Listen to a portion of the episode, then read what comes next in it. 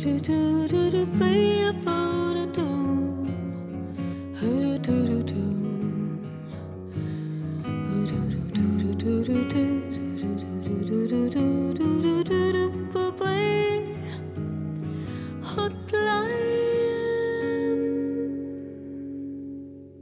Ser frem til at denne utdaterte etaten blir lagt ned, og at barn kommer i trygge hender i 2021. Det er mitt nyttårsforsett å hetse, mobbe, hate denne etaten til den havner på historiens skraphaug. Velkommen til Hotline, Norsk redaktørforenings podkast eh, der vi tar opp ulike redaktørfaglige problemstillinger. Det du hørte nå, var et innlegg på Facebook-sida til Fontene, som er fagbladet for Fellesorganisasjonen for barnevernspedagoger, sosionomer, vernepleiere og velferdsvitere. For i dag skal det handle om den noen ganger ufortjent, men av og til fortjent, utskjelte nettdebatten. Eh, og så skal det handle om åpenhet om egne redaksjonelle vurderinger.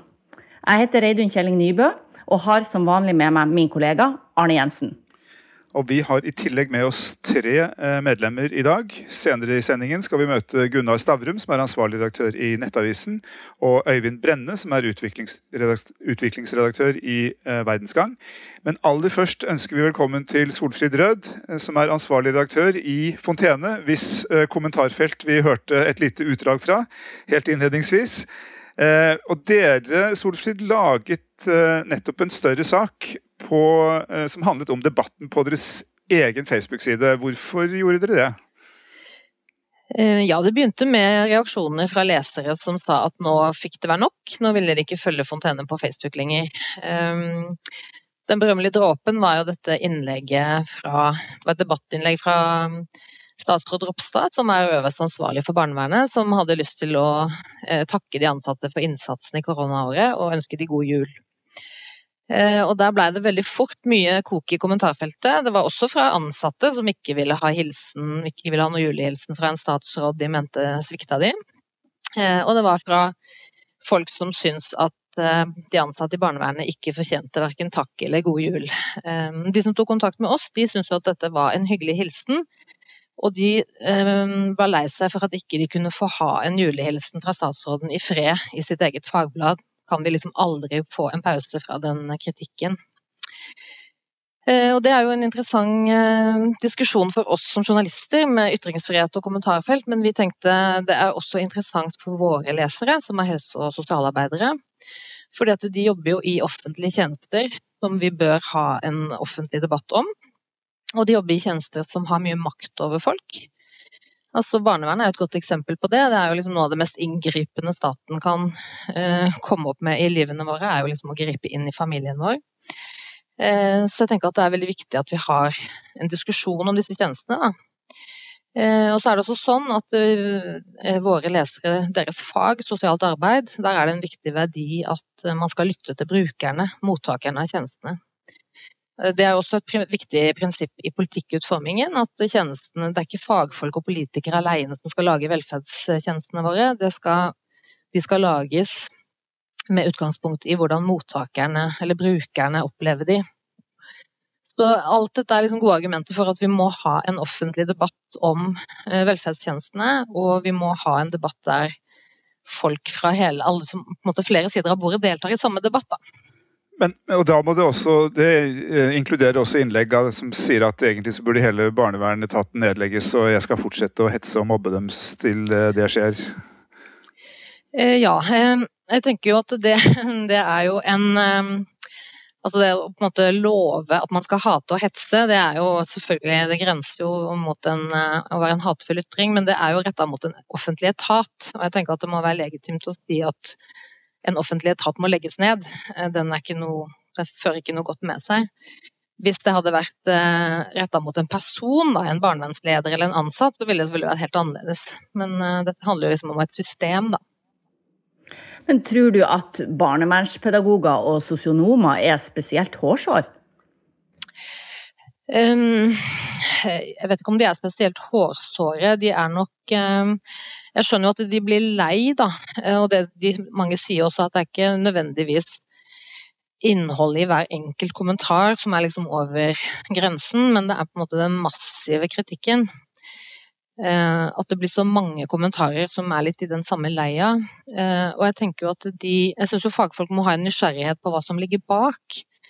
Mange av de som kommenterer her, de er jo eh, de har jo vonde erfaringer med, med disse tjenestene. ikke sant? Sånn at det, det er noe med å ha en sånn faglig nysgjerrighet på hvorfor er folk så sinte, for debatten blir så polarisert. Mm. Men, men, det var nå før jul at, at dere opplevde at, eh, virke, at, folk virkelig gikk i skyttergravene. Dere har jo hatt Facebook-debatt eh, tidligere. Eh, hva, hva, er det som gjør at denne debatten er blitt så mye mer forsterka og, og Nei, vi har, hatt, altså, vi har nok hatt den samme type Vi har fått disse spørsmålene før òg. Hvorfor slipper dere til så kritiske stemmer? Hvorfor kan vi ikke være i fred i fagbladet vårt? Uh, um, altså det, har, det, er jo på en måte Barnevern er et sånt veldig polarisert uh, felt, og det samme ser vi nå med rusreformen. Jeg snakka senest i går med en sosionom som har jobba med ungdom og rus i 20 år, som sa at han orka ikke lenger å delta i den debatten fordi Eh, du må tåle så mye hets, da. Og fordi han var kritisk til reformen, så blir han liksom veldig stempla som en uh, mørkemann som ikke skjønner, ikke følger med i tida og sånn. Og jeg tenker at det er veldig trist hvis um, hvis vi ikke skal kunne ha en debatt med en felles debattplattform, da, at dette, dette viktige velferdstjenester bare diskuteres i liksom lukka forum. Uh, hvor du måtte ikke møte noe særlig motstand. Da. At fagfolk har sine forum, og kritikerne, brukerne, har sine. Så det, vi har sett det en god stund. Eh, så det var sånn sett litt tilfeldig at akkurat um, disse reaksjonene som kom nå før jul, eh, ble gjenstand for en sak. Da. Men vi har tenkt lenge at det her er interessant. Kanskje vi skal gå litt inn og se på det. Mm. Uh, og det Solfrid gjør her, Arne, det er jo å legge til rette for en brei uh, debatt. Og jeg vet jo at det er noe du har sans for. Hvorfor er det viktig at redaktørstyrte medier gjør det? Jo, det, det, er viktig at vi, eh, at vi som, som, du helt riktig sier, at vi bredder ut samfunnsdebatten. Fordi uh, det er noe av styrken. Og, og, den ytringsfriheten og, og, meningsmangfoldet som vi skal forvalte, det er jo ikke til for for alle de som stort sett er enige med hverandre. Eh, for ut av det kommer det sjelden så veldig mye fruktbart. Eh, det som er viktig, er jo å få med alle, eller flest mulig stemmer. Også de stemmene som man eh, misliker, og som man er dundrende uenig i. Så, så er det jo sånn at, og det kommer vi jo til nå i neste, neste omgang, så er det jo sånn at en redaktør må jo ikke gi rom for alt som, eh, selv om det holder seg innenfor lovverket. Det er jo lov å, det, er, det er det som kalles å redigere. Det ligger i, i selve redaktørgjerningen at man gjør valg. Eh, så, så, eh, og det kunne jo i neste omgang være interessant å høre litt, Solfrid, hvordan hvilke kriterier er det dere legger til grunn, og hvor mye tid bruker dere på å eh, redigere disse sidene? Hvor ofte sletter dere innlegg eller kaster ut folk, eller eh, hvordan ser dette bildet ut? Mm. vi har jo eh, laga oss noen retningslinjer som vi har lagd sammen med de andre redaksjonene i LO Media, som vi jo er en del av. Sånn at vi har skriftliggjort, og det har vi liggende ute på vår nettside. Uh, litt sånn til opplysning at det du ytrer her, det er offentlig, og um, du, ansvarlig, du kan bli ansvarlig for de påstandene som du legger fram. Og at vi ønsker å ha eh, åpen debatt. Det skal være høyt under taket, men vi vil ikke godta personangrep og eh, sjikane og Ja, vi har liksom en liste der, da. Uh, og det er jo på en måte i liksom et slags håp om å kunne bidra til en litt mer uh, konstruktiv, uh, fornuftig debatt. Da. Hvor mye tid vi bruker på det. Altså, vi er en liten redaksjon, vi har ikke døgnkontinuerlig overvåking, men vi har jo en ganske god peiling etter hvert på hvilke saker som vi må passe litt på. Da.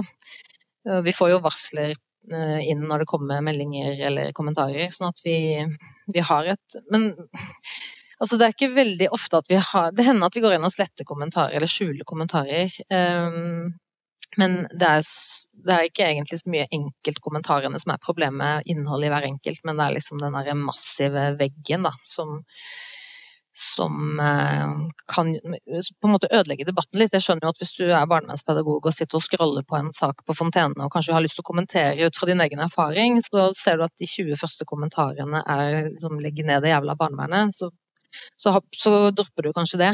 Så det, det er jo synd, da. Men men du, men du, var nøye på at dere skiller på det som eh, handler om barnevernet som sådan. Altså det å liksom skjelle ut barnevernet burde nedlegges, og det å gå løs på, på enkeltmedarbeidere. Hvis jeg forsto ja. det riktig? Ja, jeg syns det er en viktig forskjell. Altså, jeg syns ikke at uh, navngitte ansatte eller navngitte ledere eller navngitte kommuner da, skal henges ut på våre sider for å gjøre en dårlig jobb eller ødelegge familier og sånn. Men, men, det å måte kritisere et system for å være um, ja, for å ha noen gale holdninger eller for å gjøre en dårlig jobb, det syns jeg er noe annet. Eh, hvilken respons har dere fått på, på den saken der dere valgte å lage journalistikk på dere sjøl? Vi har egentlig fått uh, ganske god respons. Altså, vi, vi, fått, uh, vi kunne jo fått kritikk for å ha vært litt sånn navlebeskuende og skrive, om oss sjøl. Det har vi ikke fått. Uh, vi har fått, vi har fått ros bl.a. fra noen som jobber i utdanningssystemet. Det er jo Noen av utdanningene for barnevernspedagoger har inngått samarbeid med journalistutdanningen på samme høyskole eller universitet.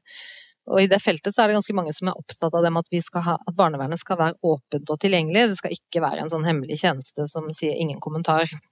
Så de, dette samarbeidet har de jo da for å skjønne mer av hverandres jobb og på en måte tenke at vi skal utdanne barnevernsarbeidere som kan stå i en offentlig debatt og som kan forsvare eh, hvordan de jobber. Eh, og de har rost oss for å ta opp dette der, fordi de mener det er viktig. Eh, og så har vi sett at noen tillitsvalgte har delt saken og liksom oppfordra folk til å si sånn kom igjen folkens, her trenger vi deres stemme. Eh, og kildene har også gitt tilbakemelding på at de syns det var fint å bli tatt så på alvor, da. At vi faktisk lagde den saken. Mm. Vi har jo nevnt det flere ganger. Mange kvier seg for å gå inn i nettdebatten sjøl. Eh, fordi det tar for mye tid og krefter, bl.a. Og fordi man syns det er, for mye negativt der. Eh, men et av rådene som vi i NR gir til journalister og redaktører, eh, er jo at man bør delta i debatten. Og også det vil kunne bidra til at man beholder en saklig tone der. Og jeg vet at du, Arne, har gjort deg noen refleksjoner i den forbindelse. Jeg har sett at du har gått inn i kommentarfeltet, bl.a. på Dokument og på Resett. Hvilke erfaringer har du gjort deg? Nei, erfaringen er jo den at uh, for det første så, så setter folk som er der inne pris på at du melder deg på. Og de, flere av dem gir også uttrykk for det. Og det er jo til dels personer som ellers er ganske skarpe, for å si det, for å si det litt forsiktig, i sine, i sine meldinger. Og så viser det seg jo at ofte så går det an å få til en, en, en saklig og ryddig meningsutveksling. Eh, hvis du velger å være saklig selv. Jeg bestreber meg på å være ekstremt uh, nøktern i, i, sånne sammenhenger, fordi at uh, er, temperaturen er så høy allikevel. Uh, og, det, og, folk hisser hverandre opp. og så hvis du kommer inn da og sier at med, primært med rene faktaopplysninger og sier at ja, men dette er faktisk ikke riktig, det er ikke sånn, og pressestøtten fungerer ikke slik. og sånn, så, så, gir det respons. Altså. Så jeg, jeg, mener det er, er, eh, Jeg tror det er kjempeviktig hvis man vil ha orden på de kommentarfeltene, at det er noen som er inne og, og på en måte holder skuta litt på kurs. Eh, det tror jeg er lurt. Er dere inne i, i kommentarfeltene, Solfrid? Eh, ja, vi er jo det. Men ja, mest at vi på en måte da oppfordrer til å ha en saklig debatt. Altså at vi kan skrive at når vi ser at det begynner å skjære litt ut. Da. At vi kan si at det her eh, ja, at vi har noen retningslinjer og at vi vil slette innlegg som ikke forholder seg til det. Eh, men vi opplever Vi har jo også lagd journalistikk på, med utgangspunkt i kommentarfeltet. Blant annet, vi har jo en del gjengangere som kommenterer. Vi har f.eks. en dame som fortsatt kommenterer alle, nesten alle saker vi legger ut om barnevern. Eh, så vi tok kontakt med henne for noen år siden og eh, rulla egentlig opp en historie om hvordan hun blei den ihuga barnevernskritikeren. Det var jo en veldig sånn eh, lang og vanskelig historie om hennes eh, familie og irrganger i, i hjelpeapparatet. Eh, og da opplever vi at vi får veldig mye respons på at vi tar, der, at vi tar de kritikerne på alvor. Da. At vi er nysgjerrige på hva som ligger bak, og at vi på en måte ikke bare avfeier det som en sånn disse folka er jo helt gærne, vi gidder ikke å diskutere med dem, men at vi faktisk prøver å finne ut hva er det som gjør at de er så sinte, da. Eh, så det har vi egentlig fått ganske mye tilbakemeldinger på fra en del folk som kanskje er ganske hissige på nettet, men som på en måte ser at eh, ja, så setter pris på at, de, at, man blir tatt på alvor, og at noen er litt nysgjerrig på hva som ligger bak de eh, holdningene som kan virke litt ekstreme i utgangspunktet. Mm. Ja, det er, det er, lett å I ei tid der det blir mye diskutert dette med polarisert debatt, så er det jo lett å glemme at en Eh, disse kommentarfeltene de slipper jo eh, til folk som ellers ikke har vært de som har eh, vært gjengangerne i, i de si, gamle lesebrevspaltene eh, til mediene.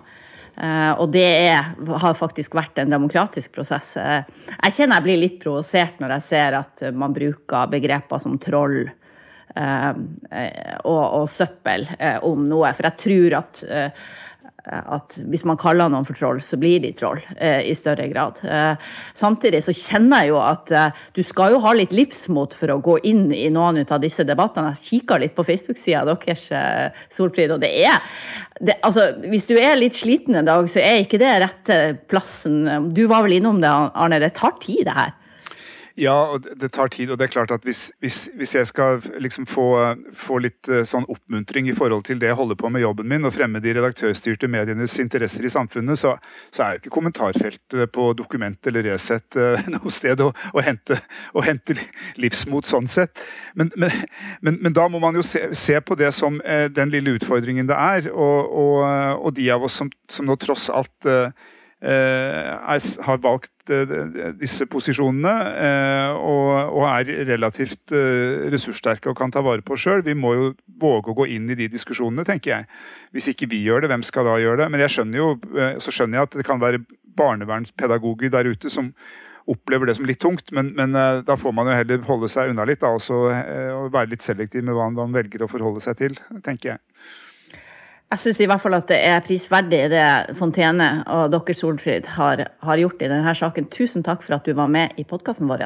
Jo, tusen takk for at jeg fikk komme.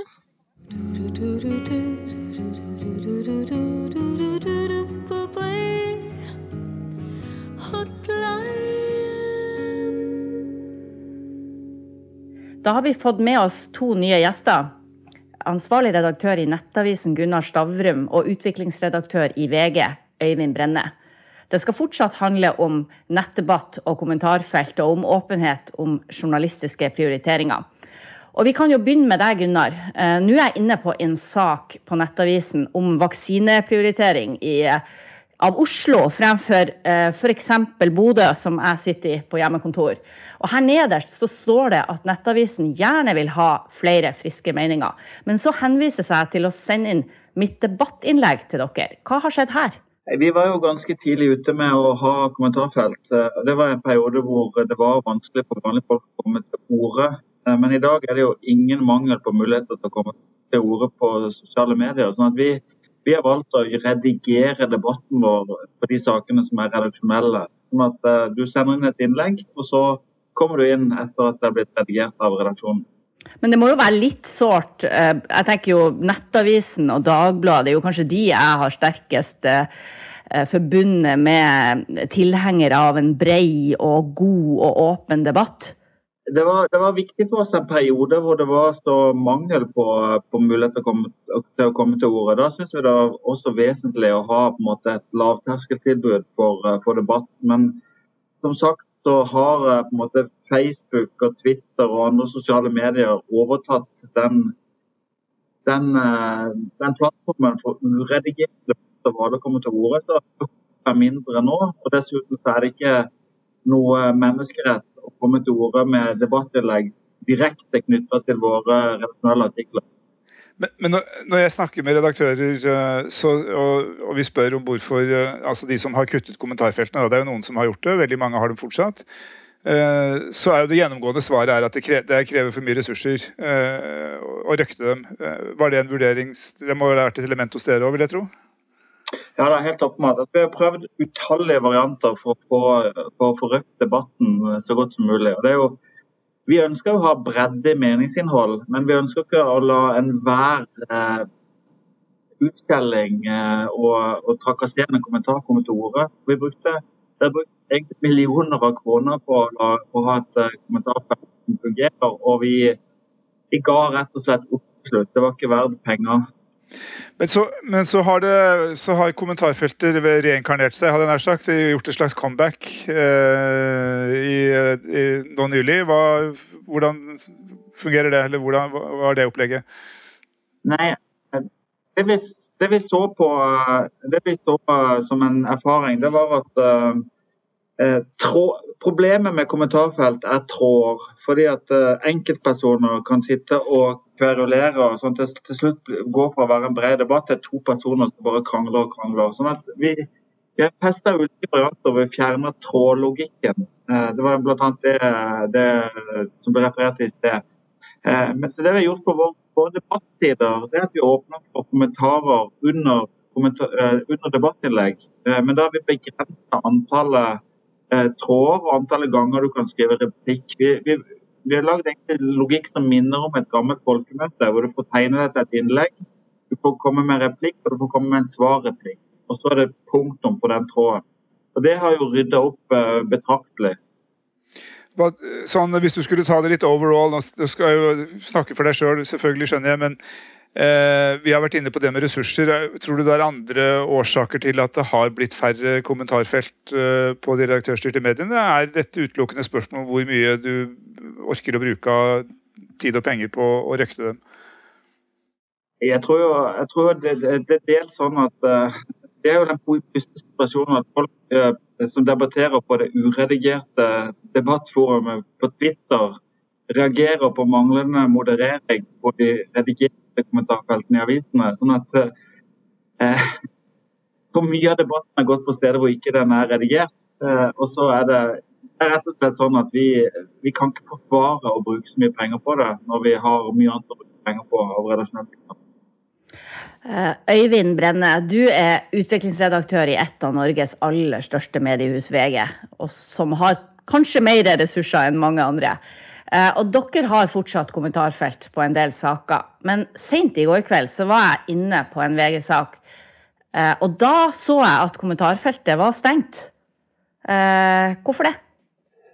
Det er fordi vi har gjort en grundig vurdering av dette, vi også. Vi har jo opplevd at vi har hatt et problem med å holde et, det nivået vi ønsker på kommentarfeltene våre. Derfor så prøvde vi å gjøre noen grep. Eh, helt i bunn så ønsker vi å ha kommentarfelt av på en måte, ideologiske pressegrunner. At vi mener at det er en bra, bra ting for for, for leserne å ha mulighet til å ytre seg. At det er, på en måte er litt gammeldags at bare vi skal komme med vårt syn, så skal det ikke være mulig å kommentere under. Eh, men så tok vi da, valgte liksom en liksom mellomvariant hvor vi istedenfor å kutte det ut som en del andre har gjort, som vi var inne på her i stad, eh, valgte å på en måte heller stenge flere kommentarfelt og heller prioritere å ha kvalitet forsøksvis da, på de eh, artiklene, kommentarfeltet under de artiklene som vi velger å ha det åpent på.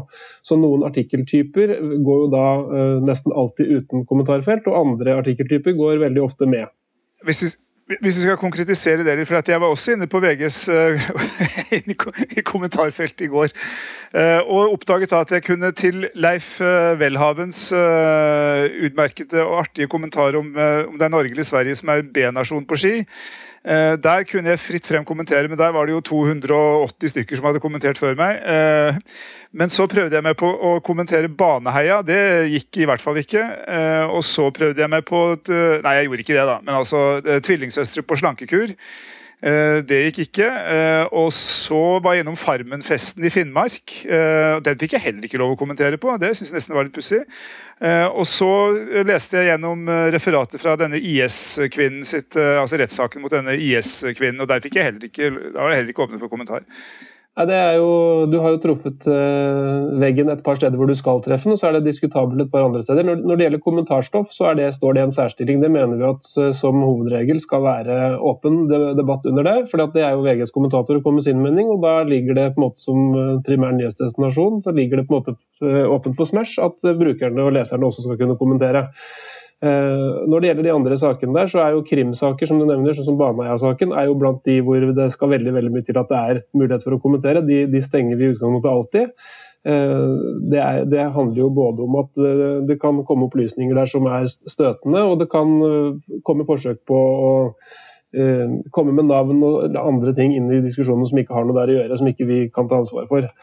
Eh, for dette er jo en ettermoderert debatt, eh, ikke sant? så vi vil ikke at det skal være en arena for for f.eks. spredning av rykter i kriminalsaker. Da. Eh, når det gjelder Farmen-finalen, så er det et godt eksempel på en sted hvor, vi, hvor det mener det, kunne og kanskje burde vært kommentarfelt. Men det vi har sagt er at det handler om ressursene våre på det publiserte tidspunktet på desken. Det har noe å si for om vi kan holde kommentarfeltet åpent. fordi at jeg mener at journalistene som driver med journalistikk i 2021, strengt tatt i 2010 og for den saks skyld, men nå er vi nå engang i 2021, de må ta eierskap til saken sin, og kommentarfeltet er en del av saken. Så jeg ønsker jo at de skal følge med på kommentarfeltet på saken sin. Eh, og eh, hvis, da, hvis, du ikke har kapasitet på det tidspunkt for at du hopper over på en annen breaking-sak eller lignende, så kan det være et argument for at du ikke har kommentarfelt på akkurat den Farmen-saken. Så kan at den Farmen-saken hadde hatt kommentarfelt åpen annen, eh, på et annet tidspunkt, hvis ressurssituasjonen på desken og hos de aktuelle journalistene hadde vært bedre. da. Merker du at det hjelper når journalister går inn i, i eget kommentarfelt, eller, eller redaktører? Eh, ja, det mener jeg du kan se ganske tydelig. Eh, jeg tror Alle som eh, har fått en sint mail fra en leser, kan jo merke at hvis man bare svarer litt hyggelig, så plutselig får man en helt annen tone tilbake. og Det er litt den samme, dynamikken du kan se i kommentarfelt. Så jeg vil si at i ni og en halv av ti tilfeller så vil det en journalist som er inne og svarer saklig og tar folk på alvor, det vil være med å bedre debatten og debattklimaet under artikkelen. Men, men, har dere noen faste kriterier, eller, fore, eller, foretar dere eh, individuelle vurderinger fra sak til sak? Vurderes hver enkelt sak, eller er det noen kategorier hvor det er at dette her har vi aldri kommentarfelt, og her har vi alltid kommentarfelt? Du sa jo debatt. Ja, Det er nyhetssjefen som, eh, som, til enhver tid som bestemmer, men vi har da noen kategorier som er, eh, som er, på en måte forhåndsdefinert. og Det er jo da kommentarstoff, så skal vi ha kommentarfelt. Hvis det er saker som er av stor betydning for samfunnet og demokratiet, altså på en måte politiske saker i Norge, så er det på en måte midt i kjernen av, oss, eh, av, av på en måte det vi skal drive med. så Der bør folk også komme til orde. Eller hvis det er en sak som er engasjerende eller har diskusjonsvennlig innhold noen type debattsak, eh, så, det, så, ønsker vi å ha kommentarfelt på. Og så er det noen som vi på en måte, som utgangspunkt alltid har nei på. Og, og det er jo altså Krimsaker som vi var innom. Eh, det er også saker hvor uerfarne intervjuobjekter står i fare for å bli latterliggjort eller at det kommer dårlig ut av omtalen. Uh, og så har vi en tanke om at saker hvor vi, hvor vi antar at det blir en dårlig diskusjon, som, som svekker verdien for leseren av å lese kommentarfeltet, da ser vi ikke noe poeng med å åpne, åpne, for det vi på en måte vet at det ikke kommer til å ende noe godt sted. Så Det er på en måte sånn utgangspunkt vi har, men igjen så spiller det inn på, på en måte, situasjonen da under publisering, på apparatet vi har for å på en måte, være med og røkte diskusjonen. da. Kjenner du deg igjen i disse kriteriene, Gunnar, eh, når det gjelder Nettavisen f.eks. og Facebook-sida deres? Eh, absolutt. og det jeg, jeg, sliter jo litt med liksom forholdet mellom ideologi og, og lommebok. fordi at eh, og Det blir jo enda verre på Facebook. for det minste så er det jo sånn at vi på våre egne nettsider har jo en type annonseinntjening som gjør at vi får kompensert noe av kostnadene. Men på Facebook så føler jeg ofte at vi sitter og gjør ryddejobben for en annen aktør. Eh, og jeg er litt bilende til den linja Pressens faglige utvalg har lagt seg på, hvor man sier at det uten videre er, er norske medier som står ansvarlig for å gjøre ryddejobben for Facebook. Eh, så vi bruker mye ressurser på på å moderere kommentarfelt på Facebook.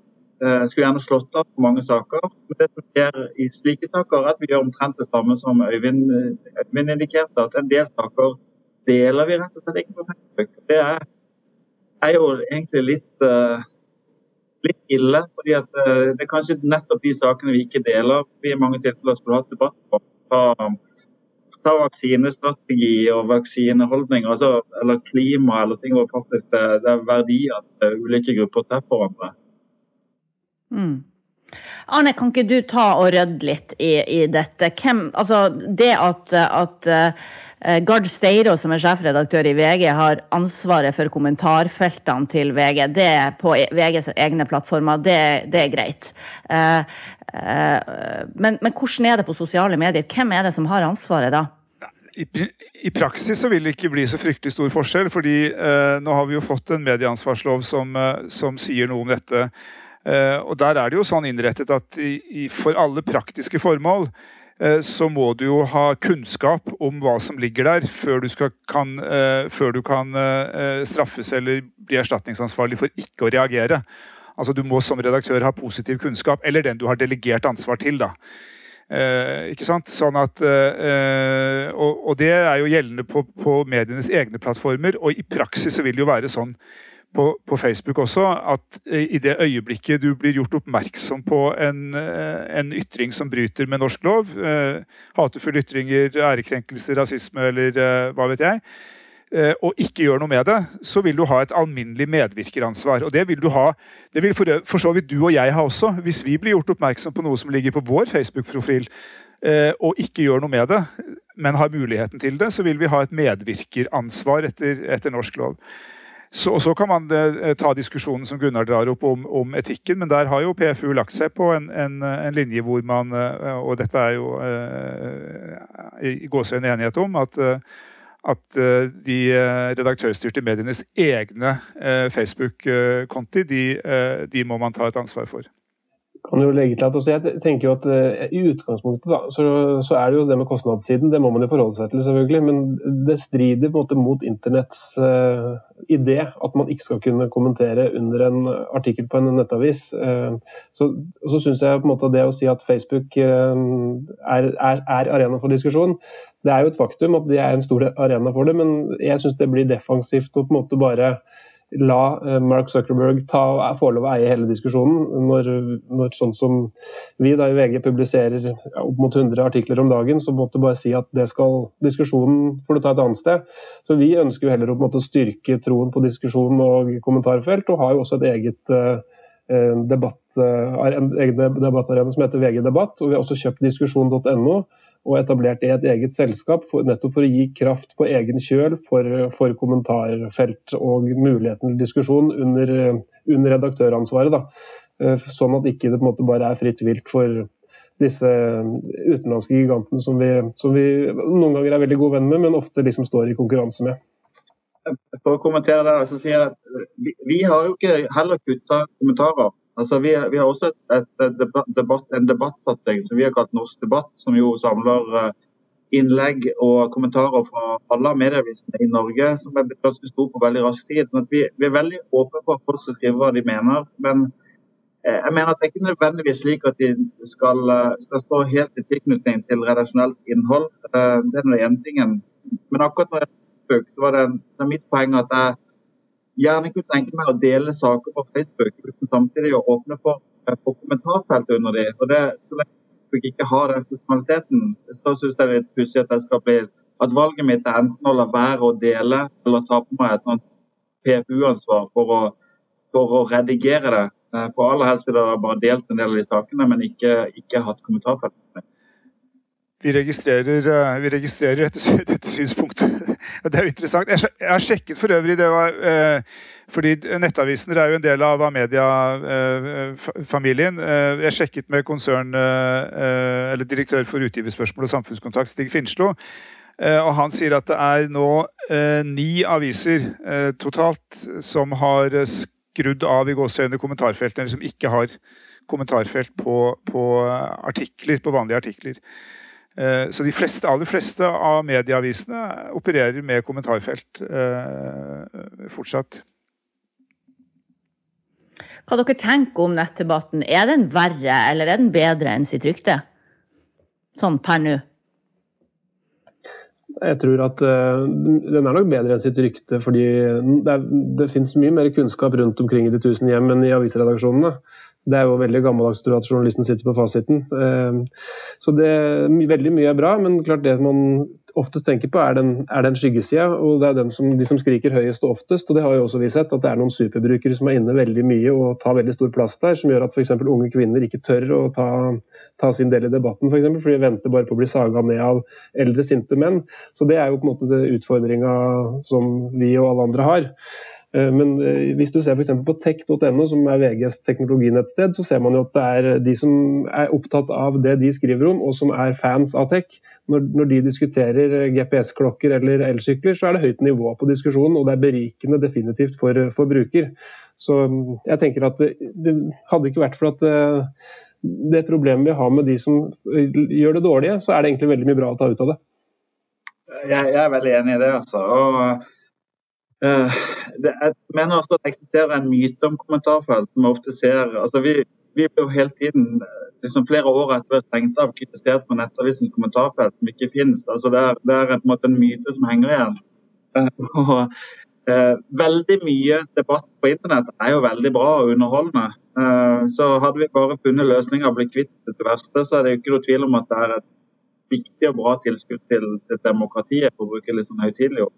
Mm hva dere tenker om eh, Fontene og det at de velger å lage journalistikk på sin egen eh, nettdebatt og på seg sjøl?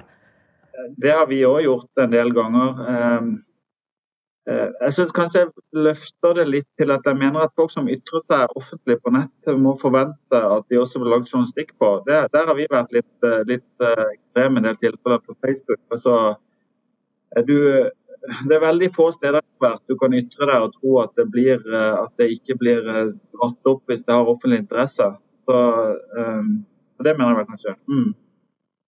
Altså, VG har gjort noen grep. Jeg husker når det var denne migrantstrømmen og det var båtflyktninger som døde nede i Middelhavet. og sånn, og da ble jo, Det ble jo diskutert på den tida, og da, da var det noen av de som ble oppringt på en måte live på VGTV. og Det ble på en måte lagd et grep ut av det. Eh, og Det er jo noe man selvfølgelig må gjøre med, med mange vurderinger, om man skal bruke navn osv. Men jeg er enig i det. altså Å ytre deg offentlig, som du gjør når du skriver på nettavis, så, så er det en del av leken du er med på. At, at, det, at det, kan spinnes videre på det. det mener jeg selv, Og så må man selvfølgelig tenke på at det kan være uerfarne kilder osv. Men det, det er, du, du, skriver, du, står jo på en måte og skriker på Karl Johan når du skriver eh, under en nettavis sin artikkel. Lot, eh, vi har vært inne på det så vidt tidligere i sendingen, eh, men eh, jeg lot meg intervjue av Helge Lurås i Resett et par måneder etter at han var blitt nektet medlemskap i Norsk redaktørforening for andre gang. Om ytringsfrihet og Trump og valget og, og journalister og redaktører og alternative medier. og det er klart at da er jo, da, da er jo ikke, Det er jo ikke astrofysikk å skjønne at da må jeg sette av den helgen.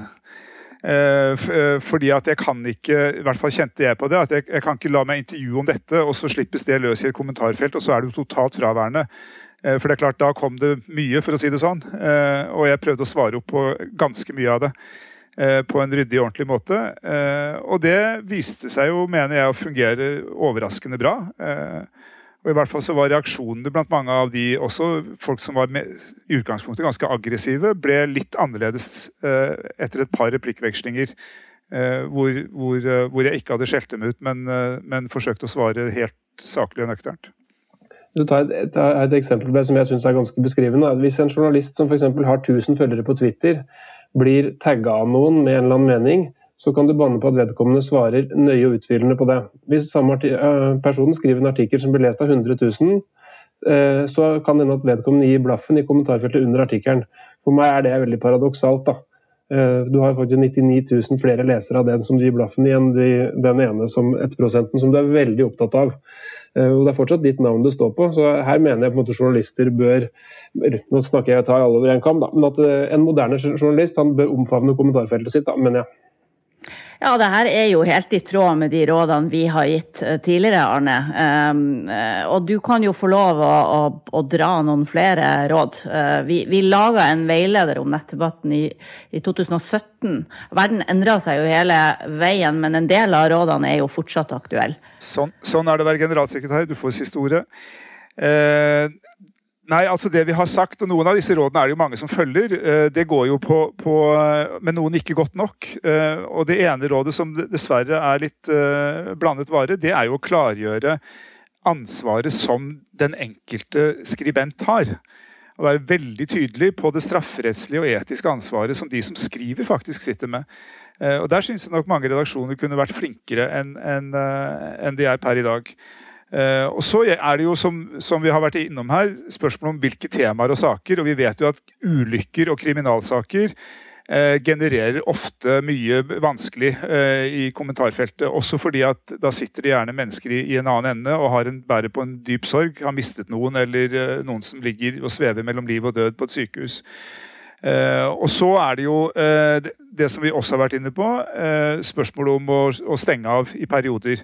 Du er ikke sikker du må ha åpent 24-7. Og det er heller ikke sikkert, som Gunnar var inne på, som jeg syns er en interessant idé, at du, at du kan utvikle tråder som, som, forplanter seg ut i det uendelige, hvor du mister oversikten. Eh, og så ikke minst da dette med å, å, delta i debatten, eller sørge for at det er folk inne og, og tar ned temperaturen eh, innimellom. Jeg tror det er de viktigste eh, tingene. Men vi har som sagt en veileder ute som ligger der, og den mener jeg står seg godt fortsatt. Ja, og så er det jo interessant når man kan bruke ny teknologi eh, til å, å, lage løsninger, sånn som dere, Gunnar, at dere begrenser antall besøk til to, eh, f.eks. Um, jeg registrerer jo at det er det, det mye mange snakker om når det gjelder Clubhouse nå, det er jo det at, at folk er høfligere når de snakker sammen, enn, enn når man skriver i et kommentarfelt. Kanskje kommer det nye løsninger. Eh, sånn eh, si, direkte muligheter for å delta i debatt muntlig. Eh, og, og, jeg husker NRK Beta de hadde også et sånt forsøk der du måtte svare på en quiz om saken før du fikk lov å, å ytre deg i eh, kommentarfeltet. Det er jo mange, mange, artige løsninger, så det vil jeg jo utfordre dere som eh, sitter på mye spennende kompetanse og, og utvikler nye løsninger. Tusen takk til Gunnar Stavrum i Nettavisen, til Øyvind Brenne i VG og Solfrid Rød i Fontene, som har vært med oss tidligere. Fra NR så deltok Arne Jensen og Reidun Kjelling Nybø. Eh, og har du spørsmål eller forslag til temaet vi skal ta opp, så ta gjerne kontakt med oss, enten på sosiale medier eller på norred.no. Takk for oss.